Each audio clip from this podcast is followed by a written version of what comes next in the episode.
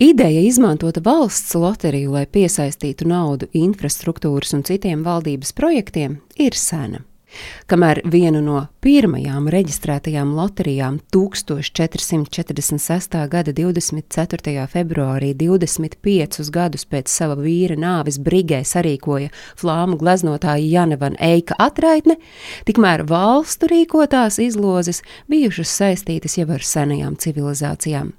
Tā piemēram ir zināms, ka azartspēles ir bijušas populāras jau senajā Ēģiptē, par to liecinot atradumi Heopsa piramīdā Gizā. Freskā, kas mūsdienās ir apskatāma Britu muzejā Anglijā, ir redzami divi cilvēki, kuri spēlē minēšanas spēli, kurā vienam dalībniekam ir jāatmin, cik pirkstu sev aiz muguras aizliktā rokā rāda otrs spēlētājs. Piemēram, 5. gadsimtā pirms mūsu ēras Grieķijā esot noformulēti totalizātora noteikumi, bet 1. gadsimtā pirms mūsu ēras Romā rīkotas pirmās loterijas. Tikmēr Ķīnā Hāņu dinastijas periodā loterijas izmantotas, lai papildinātu valsts kasi un iegūtu līdzekļus lielā Ķīnas mūra būvniecībai. Elizabetes I laikā Eiropā uzvirmoja ideja valdības projektu finansēšanai nodokļu vietā, izmantojot loterijas naudu. Nedaudz vairāk kā gadsimtu pēc Van Eika atraitnes loterijas Anglija bija ekonomiski un militāri novājināta, un Elizabete I bija spiesta meklēt veidus, kā piesaistīt naudu vairākiem lieliem publiskiem projektiem, jo īpaši ostu atjaunošanai un jaunu kuģu būvēšanai karaliskajai flotei. Toreiz, 1567. gadā, viņai bija divas izvēles - iekasēt no saviem pilsoņiem jaunu nodokli vai rīkot loteriju. Un karaliene nolēma izvēlēties otro, tādējādi nodibinot pirmo Anglijas loteriju. Protams, šī loterija krietni vien atšķīrās no tādas, kādu to saprotam ar vārdu loterija šodien, un lielākoties izmaksu dēļ.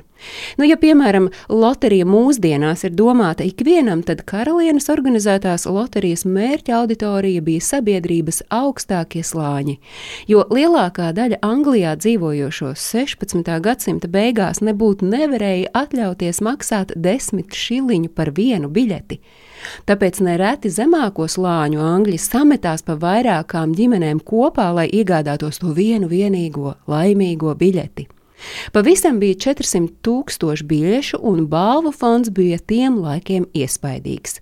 Galvenā balva - 5000 sterliņu mārciņu skaidrā naudā, kā arī tādas balvas kā trauki, gobelēni un, kā bija rakstīts karalienes ziņojumā, arī labs līna audums. Lai dalībai loterijā pievilinātu maksimāli daudz dalībnieku, kā piedevu balvām karaliene paziņojusi, ka visiem loterijas dalībniekiem tiek piešķirta imunitāte pret arestu, ja vien noziegums nebūs bijusi slepkavība, pirātisms vai nodevība.